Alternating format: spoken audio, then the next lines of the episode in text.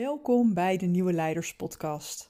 Soms heb je van die gesprekken waarvan je denkt achteraf van had ik het maar opgenomen, want ik had het graag zelf nog even terug willen luisteren. Er zijn zoveel ideeën op tafel gekomen. Uh, daar zou ik heel graag nog een keer uh, naar terug luisteren om, om daarop uh, door te filosoferen. Nou, met de een heb je dat soort gesprekken vaker dan de ander. Maar ik merk uh, dat als Elke en ik reageren op elkaars social media posts. of als we elkaar willen spreken over een bepaald thema. dat het gesprek heel vaak zo'n wending neemt. Dus laatst hebben we de koe bij de horens gevat en gezegd: laten we samen dit doen en dan een podcast erover opnemen. We gaan niks voorbereiden, we kijken waar het gesprek naartoe wil gaan. En zoals dat vaak gaat, worden het dan de meest inspirerende gesprekken. Dus al freewheelend hebben we uh, verschillende thema's aangestipt, uh, waaronder uh, hoe je echt waarde toevoegt in een groepsproces, hoe je kunt waarnemen wat daar precies gebeurt, zonder dat je daar heel erg in je hoofd op gaat zitten sturen, maar ook echt kan voelen van wat gebeurt er nu in dit groepsproces. Uh, we hebben het gehad over hoe het eigenlijk belangrijk is om productiviteit op een andere manier te gaan definiëren, omdat we het zijn gaan zien als met onze vingers op het toetsenbord van ons laptop zitten, terwijl er nog een hele andere dimensie in zit die misschien nog wel veel belangrijker is. Kortom, het is een heel gevarieerd, maar uh, naar ik hoop heel uh, inspirerend gesprek geworden. En uh, ik nodig je uit om snel te gaan luisteren. Nou, helemaal goed. Daar zitten we weer. Het begint een beetje traditie te worden, zo uh, samen podcast doen. De Nederlandse en de Vlaamse. Ja, ja, ja we zijn uh, ja, een bilaterale. Ja. maar goed, een van de, van de aanleidingen dat we hier zaten was een hele leuke mailwisseling die we hebben gehad over, ik geloof over een blog dat ik had geschreven of niet? Ik weet het eigenlijk niet eens meer. Wat was nou ja, de aanleiding? Jij had een blog geschreven over uh, de kunst van het niet weten. Oh, en je had een uh, e-mail gestuurd naar uw contactenlijst uh, met enkele vragen daarover. En ik had op die vragen geantwoord ja. naar jou toe. Ja, en, en daar, daar gaf je iets heel moois in aan. En dat vind ik wel leuk om, er, om, om daar eens mee te beginnen. Dat je eigenlijk sinds kort anders bent gaan kijken naar het omgaan met niet weten. Dus, dus eh, het feit dat we bepaalde dingen niet kunnen voorspellen en dat dat misschien wel het DNA van het leven is, ik weet het niet. misschien komen we daar nog over te spreken. Maar dat je daar sinds kort anders mee omgaat. Kan, kan je me daar eens in meenemen wat daar bij jou in veranderd is? Ja, dat is een heel goede vraag, inderdaad. Dus, uh, ik ben jaren uh, werkzaam geweest als projectleider en consultant. Mm -hmm. En heel erg vanuit mijn hoofd uh, gewerkt. En eigenlijk altijd maar bedacht van oké, okay, er zijn problemen en ik moet hier de oplossingen bedenken. En ik ben de persoon naar wie alle ogen gericht zijn. En Um, dus uh, alle moeilijke vraagstukken, ik, ik ben de persoon die, die de oplossingen moet brengen. Ja. En um, ja, door eigenlijk meer en meer in organisaties te gaan werken als extern coach, als extern begeleider, uh, en ook mij verder te verdiepen ook in de organisatie als een, als een groter geheel, als een systeem, um, ben ik eigenlijk ook terechtgekomen bij het punt van dat er eigenlijk heel veel onzekerheden zijn, dat, we eigenlijk, ja, dat er zodanig veel uh, complexe projecten en complexe vraagstukken in bedrijven zijn op vandaag. En ja, dat we dat niet meer allemaal kunnen bedenken. En nee. toen ben ik gaan denken van oké, hoe gaan we daar dan mee om als externe consultant? ja. Want ik kom wel, of bedrijven huren mij wel in om, uh, om met de oplossingen te komen. Ja. Dus uh, ja. En wat, wat gebeurde er toen bij jou? Want um, uh, het was ook altijd dus een soort van jouw beroepseer om zoveel mogelijk voorspelbaarheid te creëren en elk probleem wat er mogelijk aan kon komen, om, daar, om dat voor te zijn. Ja, en allee, uiteindelijk voel je als je dat zo jaren doet, dat dat best wel lastig is. Mm -hmm. Dat het niet zo evident is om altijd uh, met de oplossingen te moeten komen. En dat je ook, ja, het is ook iets vooral, en ik schreef het ook in mijn mail naar jou toe, van iets dat in mijn lichaam ook vooral gebeurde. Ja. Dat ik meer en meer uh, begon te voelen in mijn lichaam signalen van, hey, dit klopt hier niet, of dit moet hier anders. Of, uh, maar ik negeerde die vrolijk. en ik dacht van, uh, ik ga maar gewoon verder vanuit mijn hoofd de oplossingen bedenken. En um, ja, door meer en meer eigenlijk toch bewuster te worden van hetgeen dat je voelt in je lichaam, dat ik zelf voel in mijn lichaam. En daar ook wel die signalen ook op te vangen en die ook te durven benoemen en die ook in te brengen in bedrijven of in samenwerkingen met mensen. Mm ja, en voor mij was het vooral eigenlijk om meer te luisteren naar wat zegt mijn lichaam hierover. Ja, en wat, wat deed je daar voorheen mee dan? Luisterde je gewoon niet of nam je het wel waar, maar nam je het niet serieus? Hoe, wat, wat gebeurde er eerder mee? Want ergens is er dus iets in elkaar geklikt bij je van, hé, hey, wacht even, ik ben een hele grote antenne.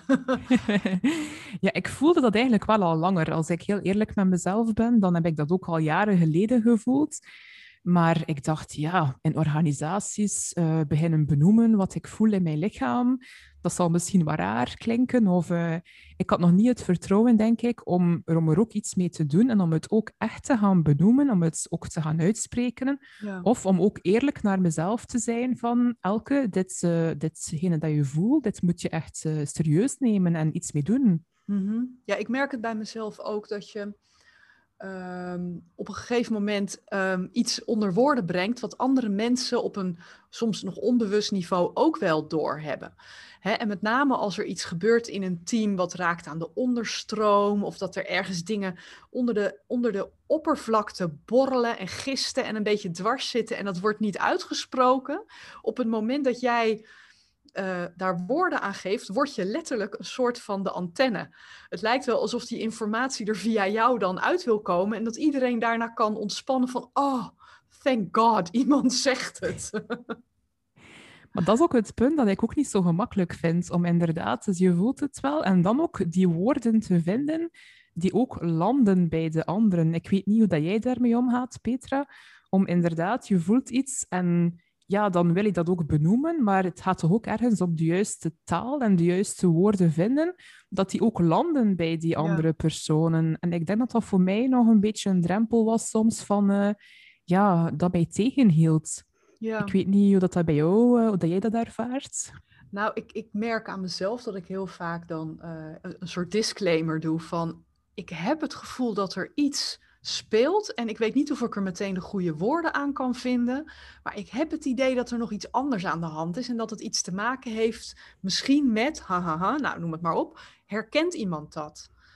En dan, dan heb ik mezelf een soort van ingedekt. Ik heb het niet als een soort ja, diagnose gesteld, maar meer uh, als een uitnodiging van herkent iemand dat er wat is en kan je eens meehelpen met denken.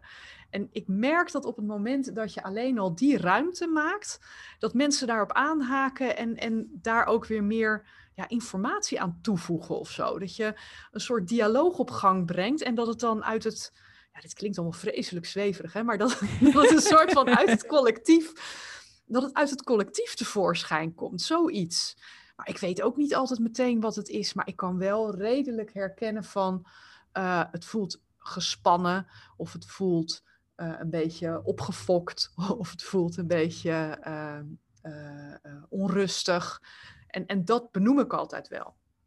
Ja, vaak inderdaad, wat hij daarnet ook zei, het benoemen van hetgeen dat je voelt, leidt vaak ook al tot een gevoel van ontspanning bij ook de andere mensen, want uiteindelijk voelen die mensen dat vaak ook, mhm. maar weten ze ook niet goed van hoe moeten we dat hier nu benoemen of, of wat is dat hier nu precies. Ja. En in plaats van verder te gaan op, uh, op de inhoud, op de inhoud waarmee dat we bezig zijn, is het soms ook goed om even eerst bij dat gevoel uh, stil te staan en dat even ook te benoemen, ook al weet er nog niemand van wat speelt er hier precies of wat is de aanleiding van dit gevoel. Nee, nee en ik weet niet of jij dit herkent, maar in principe was die complexiteit, was er altijd al. Alleen zijn we ons er steeds bewuster van dat wat we ook proberen om de toekomst heel voorspelbaar te maken en om risico's uh, terug te dringen. Um, er, er, gebeuren altijd dingen, kijk maar naar andere, afgelopen anderhalf jaar. Er gebeuren altijd dingen die je met de beste wil van de wereld niet had kunnen voorspellen. Dus ik heb het idee dat we met z'n allen op zoek zijn naar andere manieren om, uh, om daarmee om te gaan. Omdat we gewoon zien van je kan heel veel energie steken in plannen maken, in kaders maken, in beleid bedenken. Um, maar zodra het in leven komt, zodra het in de praktijk wordt gebracht, gebeurt er toch van alles wat je niet had kunnen bedenken. En, en als je echt alleen maar in je hoofd blijft zitten, um, dan ben je ook te laat om te schakelen. Dus misschien dwingt het ons ook wel, dat bewustzijn, om wat meer naar die andere antenne te luisteren. Hoe, hoe kijk jij daarnaar? Ja, wat ik mooi vind, is dat er inderdaad, allee, dat je het gevoel hebt dat er meer en meer mensen allee, met dat lichaamsbewustzijn en dat gevoel wel mee bezig zijn. Maar dat er inderdaad een soort van, ja, ik wil ze niet meteen, maar toch misschien wel een groep van pioniers die daar toch wel in organisaties mee aan de slag willen gaan. Maar dat het toch ook nog een, een, een, ja, een, een stuk een shift nodig is in bedrijven, want de plannen en de voorspelbaarheid mhm. is soms wel iets dat nog verwacht wordt.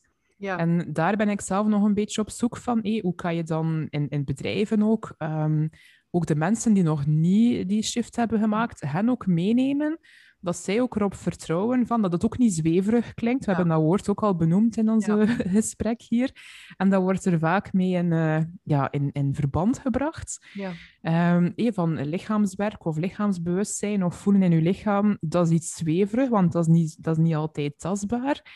Um, en ik ben daar zelf nog een beetje op zoek van, want ik, ik wil ook niet geassocieerd worden met een zweverig persoon. Je wilt toch in bedrijven het vertrouwen geven van hey, we gaan die verandering samen aan mhm. en we gaan er... Uh, dus ja, daar ben ik nog een beetje aan het kijken van... Uh, hoe, hoe nemen we dat mee in bedrijven? Hoe nemen we mensen mee die nog niet zo die mindset shift of dat gevoel nog niet hebben uh, benoemd? Ja. ja, herkenbaar.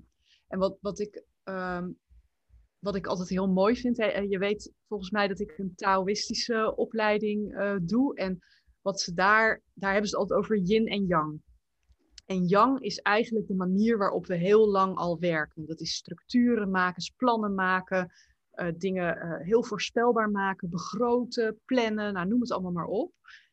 Maar um, kijk je naar de balans daartussen. Hè, het, het, het, het leven is altijd op zoek naar balans. Dus op het moment dat die structuur staat, kan je daarbinnen heb je de ontspanning om te laten gebeuren wat er wil gebeuren. Dus ik denk ook niet dat je het plannen maken als zodanig helemaal los moet laten, maar dat dat de contouren geeft waarbinnen creativiteit kan ontstaan, waarbinnen we kunnen inleunen in wat er zich voordoet in, in, in alle dag. Dus het een is de bedding voor het ander. En gaan we alleen maar met z'n allen een beetje zitten voelen van, nou, wat wil er gebeuren? Dan ben ik dus echt heel bang dat er never nooit meer iets gebeurt. Ik denk niet dat iemand nog productief is. Dus ja, het, het stukje ehm, eh, bewustzijn, dat gaat over, uh, er is heel veel onzekerheid in de wereld en we kunnen niet alles dichtregelen. Dat is dat, dat yin, dat is dat inleunen, dat is het laten gebeuren, dat is het creatieve proces, de stroming zijn werk doen. Maar dat kan niet zonder dat die bedding, die structuur, die kaders, het heeft elkaar nodig. Het een geeft ruimte aan het ander, volgens mij. Ja, nee, dat is inderdaad wel waar. Hè? Dat is, eh, want uiteindelijk de enige constante dat we op vandaag in bedrijven hebben, is dat er verandering is. En uh, wat dat je ziet, is dat, ja, dat bedrijven of mensen in bedrijven, dat die vaak inderdaad heel veel stress krijgen, omdat die alles in de puntjes en details willen uitwerken. Maar de combinatie van, oké, om ook te kunnen op een, op een fijne manier een werkomgeving creëren in bedrijven, om, om met die verandering om te gaan binnen een kader inderdaad, um, ja, is, is super belangrijk om daar op vandaag op die manier mee om te gaan. Maar wat jij zegt herken ik wel hoor, dat, dat mensen daar ook spanning van kunnen ervaren. En mhm. ehm, ik, ik kijk altijd naar wat voor, wat voor behoefte zit daar nou achter. Hè? Want um, er zijn heel veel. Op een of andere manier is onzekerheid is bijna synoniem geworden voor risico. En risico, dat gaat over voel je je veilig, voel je je zeker. En dat is natuurlijk een hele basale behoefte die we als mens hebben om ons veilig te voelen. En als je uh, heel veel moeite hebt met onzekerheid, is dat voor mij altijd een signaal van we moeten iets organiseren om, om dat gevoel um, ja, de, de, meer, ja, meer te laten, er te laten zijn. Dus binnen alle onzekerheden, wat kunnen we wel doen? Wanneer weten we meer? Wanneer hakken we een bepaalde knoop door? Um, hoe gaat het proces zijn van het niet weten? Weet je wel? Dus je probeert ook binnen al die onzekerheden toch weer wat piketpaaltjes te slaan om mensen die daar daadwerkelijk moeite mee hebben, of hele organisaties die daar moeite mee hebben, om ze ja, door die ja, door, door die, door die uh, onzekerheid heen mee te nemen eigenlijk. Ik weet niet, hoe doe jij dat? Ja, inderdaad, een beetje op een gelijkaardige manier. Hè. Dat is, uh, het is inderdaad belangrijk om niet zomaar uh, ja, het helemaal los te laten en helemaal te gaan zeggen van oh, we zien het wel. En een beetje zo de no-nonsense mindset, dat zal ook zeker niet altijd werken. Maar ja, die hulde middenweg vinden, die combinatie vinden tussen um, ja, een zekere focus en een zeker vertrouwen. En vertrouwen creëren ook in de organisatie. En daarnaast ook allee, de, de ruimte voor uh, die ontspanning. Ik vind het super belangrijk in, in trajecten, in veranderingstrajecten of in bedrijven in het algemeen. Je ziet zoveel mensen in burn-outs belanden en uh, ja, die eigenlijk helemaal niet, ja, die heel veel stress krijgen van hun job. En ja, er zijn altijd maar veranderingen, veranderingen. Alles moet snel, snel, snel. Maar om ook daar te gaan kijken van... Um, um, ja, om, om, om daar ook wat focus te creëren. En ook niet op, op duizend en één domeinen te gaan, uh, te gaan dingen beginnen doen. Mm-hmm. Maar ook te gaan kijken van uh, wat zal ons echt verder brengen. En waar gaan we op focussen. En dan daar inderdaad ja, die, die stroom, die hulde middenstroom eigenlijk gaan creëren. Ja, want kies jij er dan bewust voor om het aantal thema's waar je tegelijkertijd mee bezig bent, om dat te beperken, zeg je dat? Ja, je hebt inderdaad de, de work in progress, zoals ja. ze dat noemen. Uh, om inderdaad, allee, want soms zie je zoveel, allee, dus als je in een organisatie het aantal projecten opleest die lopen, ja. dan verschieten mensen er soms van dat er zoveel projecten lopen. Ja. Uh, dat kunnen er echt soms 20, 30, 100 misschien zijn. Dus, uh, dus, en ja, niemand wordt daar blij van om op allerlei dingen te gaan focussen en op het ene en dan een half uur later op het andere. Dat is gewoon veel te veel. We kunnen dat als mens niet processen. Dat, dat, dat gaat niet. Volgens mij komt daar dan ook weer, weer dat yin en yang, hè? Weer, weer die balans. Pas als je rust organiseert, als je even niet continu aan hoeft te staan, dan, dan, dan kalmeert als het ware het, troebele water. En dan kan je ook zien wat er daaronder speelt. Hè. Dan komen de ideeën. Ik merk het zelf altijd als ik ga gras maaien of als ik een heel eind, ik kom net een heel eind uit de auto. Als je een hele tijd gedachteloos even niks hoeft te doen, niet eens de radio aan of wat dan ook, dan komen de ideeën boven. En als je alleen maar aanstaat, dan, dan ja, blokkeer je eigenlijk die ideeën stroom als het ware, omdat je gewoon te druk bent met andere dingen. Ja, en dat gaat voor mij ook een stuk over uh, de essentie van de ruis onderscheiden. Je hebt inderdaad heel veel ruis in ons leven, in ons persoonlijk leven. We, we, hebben allerlei zaken dat we erbij nemen, dat we op focussen, maar ook in het bedrijfsleven ook. Maar echt gaan kijken van wat is de essentie? Wat willen we echt uh, gaan bereiken? Waar willen we echt naartoe? Waar wil ik als persoon naartoe? En al die ruis, die ons ook heel veel energie, tijd en aandacht kost, om daar ook even naar te gaan kijken en, en dingen te beginnen schrappen. Ook durven dingen schrappen. Dat is, uh... wat, wat vind je daar in jouw verantwoordelijkheid als jij op een opdracht zit? Vind je dat je dat, dat, je dat mensen daarvan bewust moet maken? Of, of hoe, hoe ga je daarmee om als jij ziet dat ze alleen maar aanstaan en met honderd projecten druk zijn? Ja, absoluut. Ik vind dat inderdaad echt een, een belangrijk punt om mensen daar bewust van te maken. En vaak zijn ze ook wel blij, hè, want ze voelen dat zelf ook, dat dat veel te veel is en dat dat inderdaad uh, heel veel energie kost. Um, dus ja, even de mensen tot de essentie uh, leiden. Daar, daar voel je ook van, van het gevoel van rust, van oef, iemand zegt het dat we met veel te veel zaken bezig zijn en dat we uiteindelijk ook misschien niets gaan bereiken. Want je kunt niet uh, twintig zaken beginnen opstarten en die allemaal succesvol afronden. Ja. Dat lukt helemaal niet. denk je dat wij er per definitie wel toe in staat zijn om de essentie eruit te halen als we het zo druk hebben? Hoe, hoe, hoe begeleid je dat proces? Ja, dat is inderdaad niet evident. Hè. We hebben zo de neiging om uh, snel verstrooid te worden en oh, er is iets nieuws interessant, we gaan daar even naar gaan kijken en we zijn zo snel afgeleid.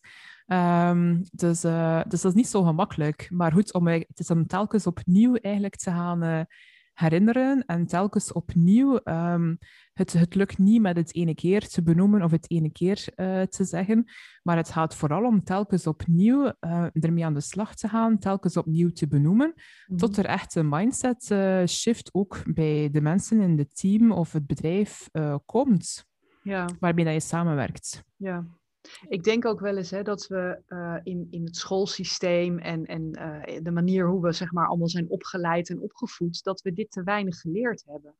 We hebben heel erg geleerd om steeds ergens naartoe te leren hè, en, en, en een examen te doen, een tentamen te doen. We zijn continu worden we ook daar al gestuurd op productie. En we hebben maar heel beperkte kennis van hoe kan je nu even alleen maar zijn en niet doen. Hoe, waar zit die knop? Hoe kan je even gewoon ontspannen, niks doen, reflecteren?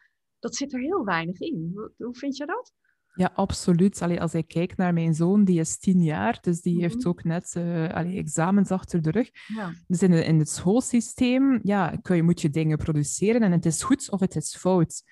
Um, dus uh, je wordt beoordeeld op, hey, op de, de scores en op de zaken die je goed antwoordt en, en de zaken die je fout antwoordt. Dus ja, die zijn gewoon fout. Ja. Maar inderdaad, zijn, um, dat wordt op school helemaal niet geleerd. En um, ja, hoe leren we dat als mens? Ikzelf, als ik over mezelf spreek, heb dat vooral geleerd door tegen dingen aan te lopen.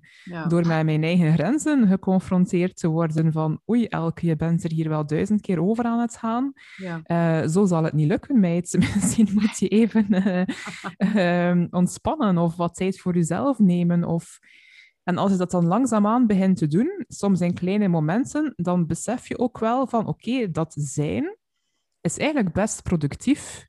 Ja. Want door te zijn kan ik een betere mama voor mijn zoon zijn, een betere partner, een betere begeleider in bedrijven, whatever. Ik kan gewoon mijn rollen als mens beter opnemen dan dat ik met een vol hoofd uh, overal gestresseerd uh, aan de start zou zijn. Ja, als je dat zo zegt, denk ik bijna van, hebben we niet een hele verkeerde definitie van productiviteit? Absoluut. Tijd staat helemaal één op één uh, gelijk aan doen, aan actie, aan dingen maken, creëren, opleveren. En het stukje, ik, ik merk het heel vaak in de, in de coachgesprekken die ik doe. Uh, veel van mijn klanten, als ze even een rondje buiten lopen, dan compenseren ze dat later. En compenseren ziet er heel vaak uit als tijd met hun vingers op de toetsen van hun toetsenbord bezig zijn. Dat is productiviteit. Terwijl het, het, idee, het zaadje laten ontkiemen van een goed idee en daar een beetje over mijmeren en gewoon even met iets heel anders bezig zijn, zodat je die ruimte creëert om dat te laten ontstaan. Daar hebben we een oordeel over. En dat is eigenlijk buitengewoon jammer. Ja, ik denk ook, we, komen, we komen uit een, een tijdsperk, als we kijken naar de industrie, het industriële tijdsperk, waar dat je inderdaad beoordeeld werd van hey, hoeveel uh, producten worden er geproduceerd en gecreëerd, et cetera. Nu komen we in een ander tijdperk, hey, kenniseconomie, digitaal tijdperk, hoe dat je het ook noemt. Uh, waar we, dat we met ons hoofd heel vaak gaan werken. Ja. Um, en ik had zelf ook altijd dat idee van, oké, werken, dat gebeurt aan mijn computer. Ja. Ik moet aan mijn computer acht uur zitten en dat is acht uur werken. Terwijl, allee, dat inzicht heb ik ook van jou gekregen, als je een keer gaat wandelen, ben je ook soms, kom je met een super idee thuis. Maar dan heb je het gevoel van, ik heb niet gewerkt. Maar eigenlijk heb je wel gewerkt, want je hebt een prachtig idee bedacht. dus ja. uh... ja, en misschien heb je dan wel meer werk verzet dan wanneer jij heel erg had zitten... Ja, Tikken op je toetsenbord. Nou ja, dat. Precies dat. Hoe doe jij dat, Petra, om meer zijn in je uh, leven toe te laten?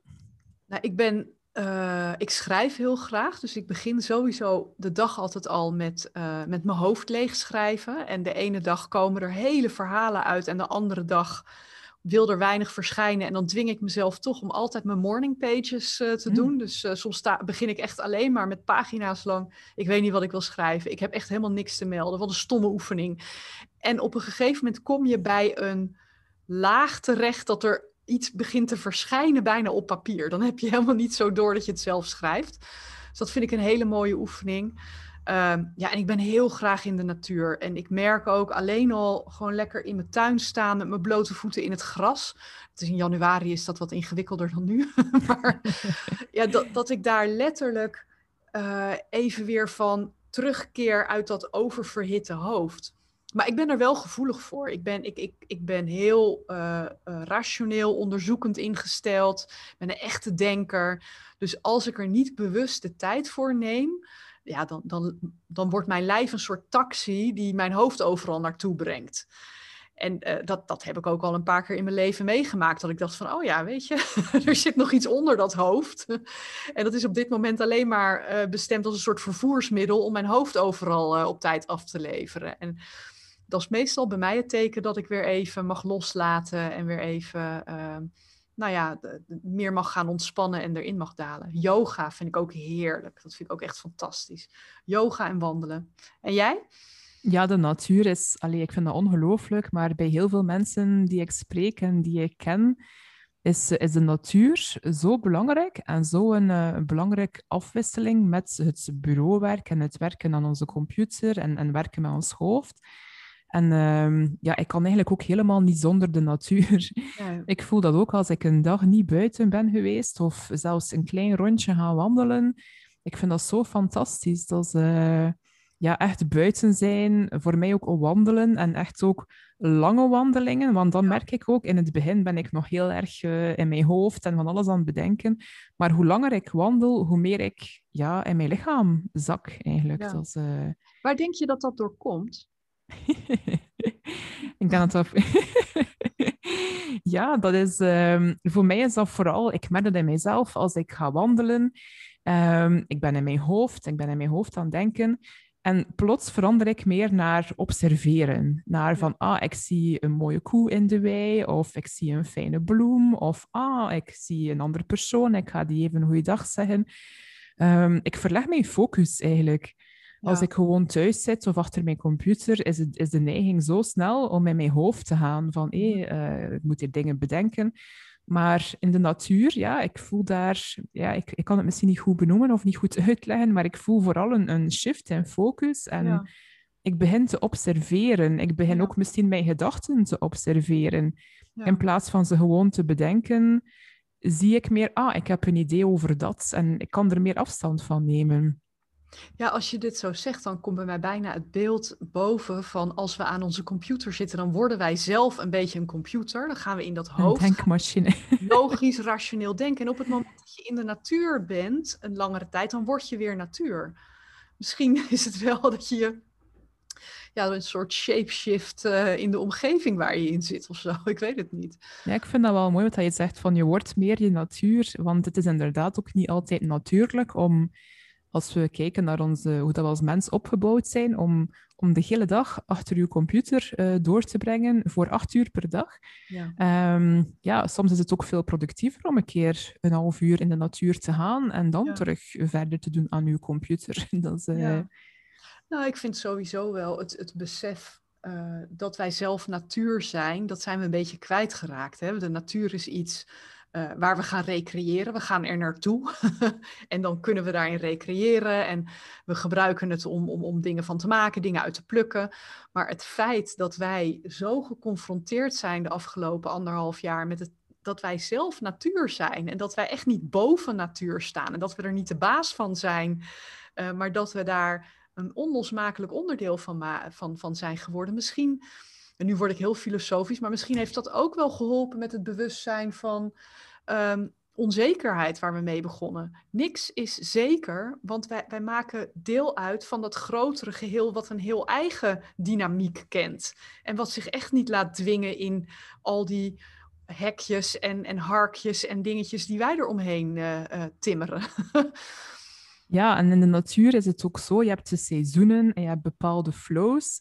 Ja. En als we dan kijken naar ons werk, zijn we altijd in de creatie of in de, in de resultaatgerichte ja. flow. Dus altijd maar, oogsten, altijd. Altijd oogsten. Maar inderdaad, een moment om ook... Ja, je hebt, je hebt naar buiten keren, dingen presteren, dingen afleveren, dingen opleveren. Maar ook naar binnen keren en daar ook de tijd voor mogen nemen dat wordt soms vergeten.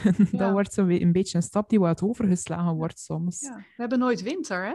Op het werk. Nee, nee, nee, nee absoluut niet. Eigenlijk het stukje, ja, weet je, voor de natuur is het heel essentieel, want er gebeurt van alles onder de oppervlakte. En dan komen we weer bij waar we het net over hadden.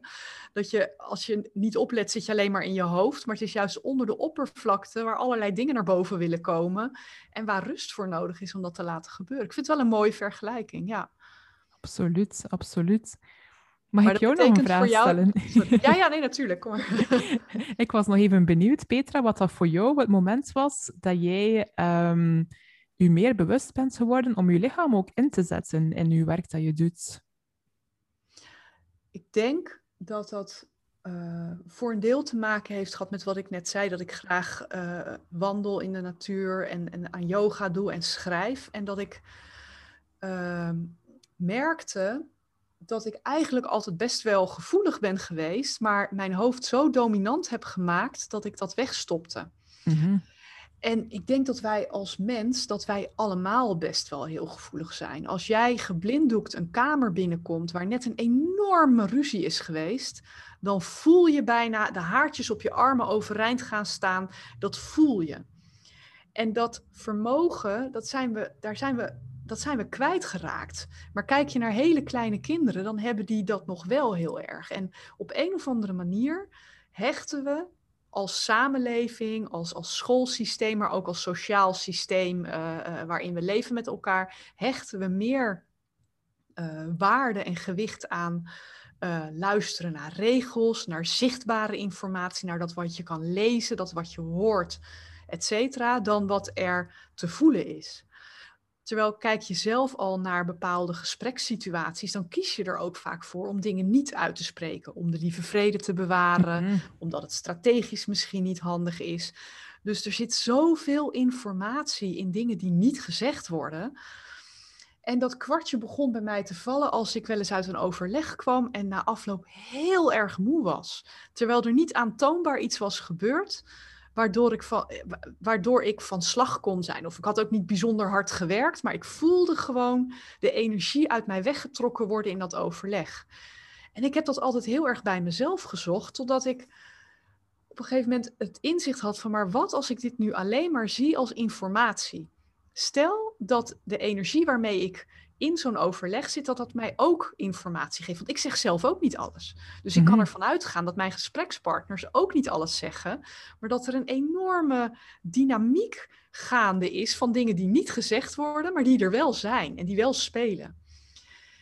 En uh, dat, daar begon ik mee te experimenteren. En toen merkte ik ook, en daar, daar heb jij volgens mij ook een mooie ervaring mee gehad, dat af en toe klopt het dan zit je in een situatie en dan voel je, nu ben ik op mijn allerkrachtigst. Nu speel ik precies de rol die ik heb te spelen om echt uh, alles te zien, te horen, te benoemen en alles wat er moet gebeuren om dat, dat uh, te helpen te laten gebeuren, zeg maar. En dat gevoel van kalmte versus dat, die, dat gevoel van moeheid of juist van opgefokt zijn. Ik denk, dat is toch raar. Er is geen fysieke verklaring voor. Dus moet het iets met informatie zijn.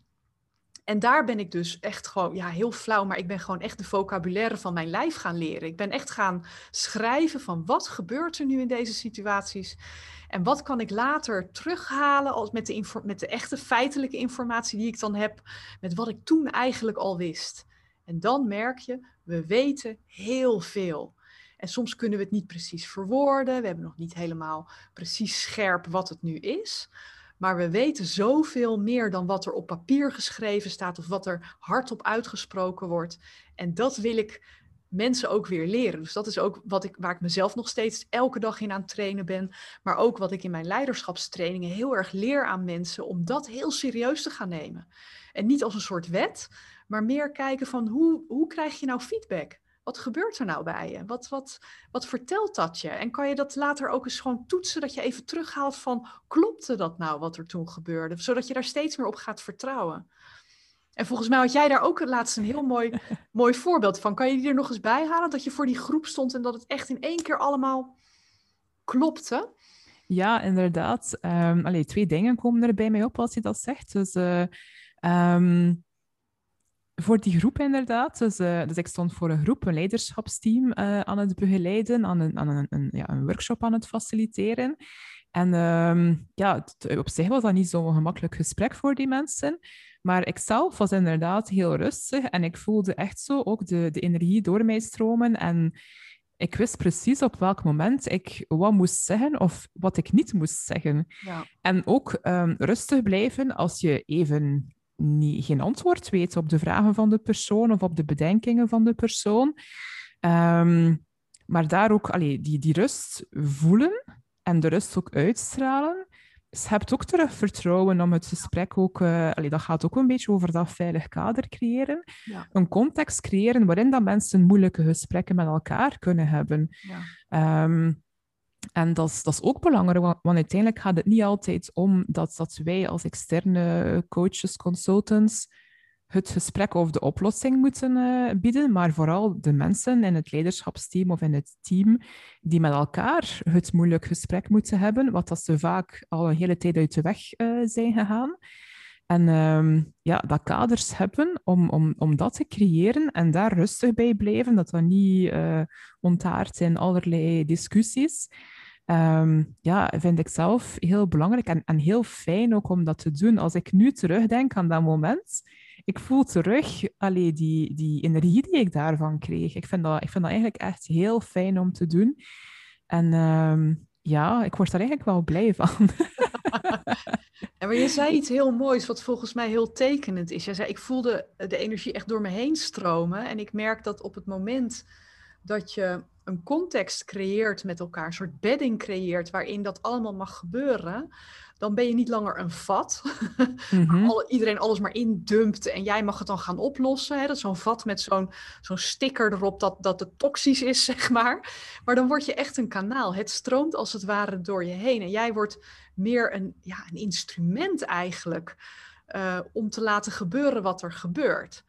En, en je geeft ook aan van die veiligheid daarin creëren. Een veilige bedding maken waarin dat gebeurt. Ik denk als je het hebt over omgaan met onzekerheid, dat dat de absolute basis is uh, om mensen daarmee om te leren gaan. Om dat uh, draaglijk te maken, die onzekerheid. Ook voor mensen die heel veel behoefte hebben aan zekerheid. Een veilige context maken, um, ja, waar, waarin, waarin het uh, geen kwaad kan, waarin je ook niet kan mislukken, mm-hmm. waarin je niet uitgelachen kan worden, waarin je niet verstoten kan worden. Dat zijn allemaal oerangsten die we op een onbewust niveau hebben.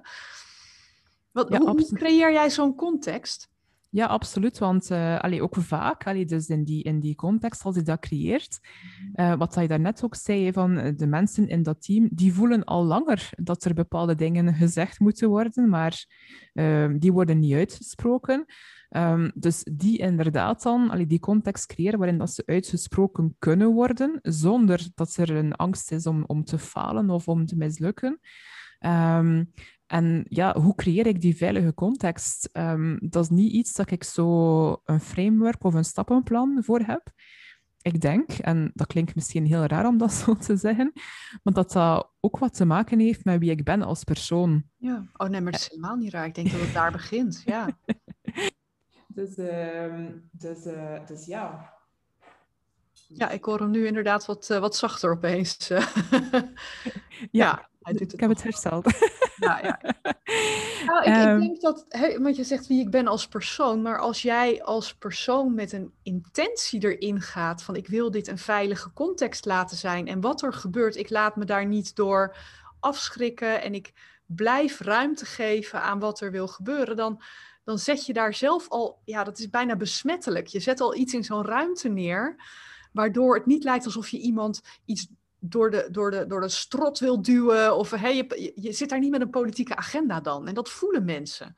Ja, en ook heel open, zonder oordeel. Ehm, en ja, uiteindelijk spreek je daar niet uit van, ik zit hier zonder oordeel.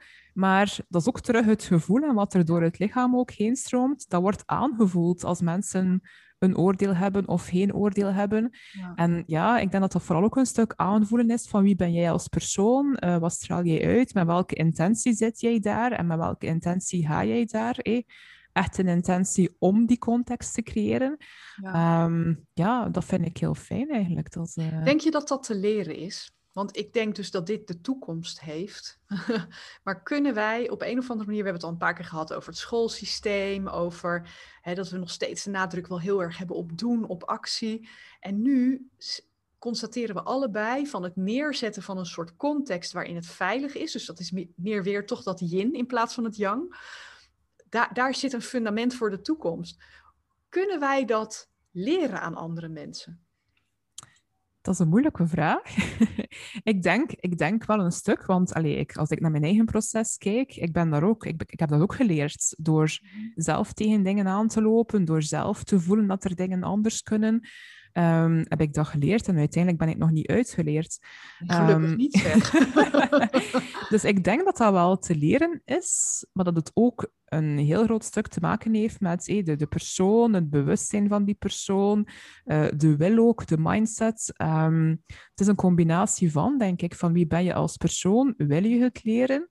En dan kan het wel, denk ik, maar het is misschien niet voor iedereen. Dat is, uh, Nee, maar ik denk ook daarom dat het zo mooi is dat we allemaal een uniek setje hebben aan, aan competenties, aan temperamenten, aan voorkeuren, aan eigenaardigheden.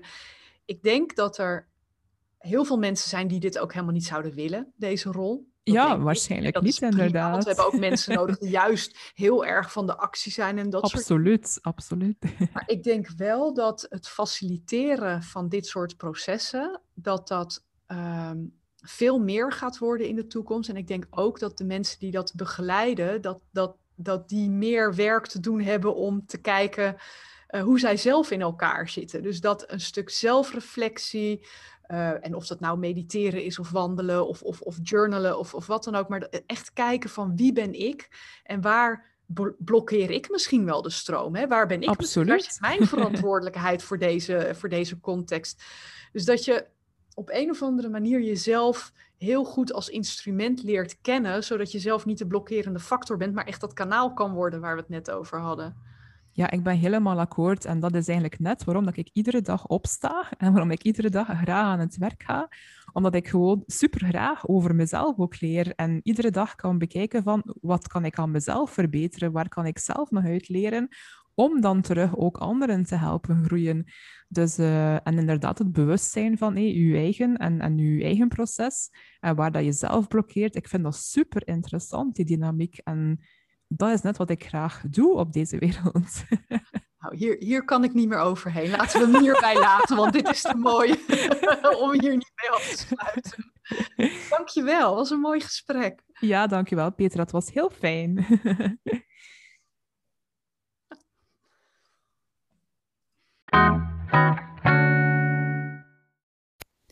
Dat was hem weer voor deze week. En net als elke keer zou ik het leuk vinden om van je te horen wat je grootste takeaways zijn geweest uit deze aflevering? Wat zijn de dingen die je aan het denken hebben gezet? Uh, wat, wat is je reactie op bepaalde punten? Heb je misschien nog een visie waarmee we de discussie nog een stukje verder kunnen helpen?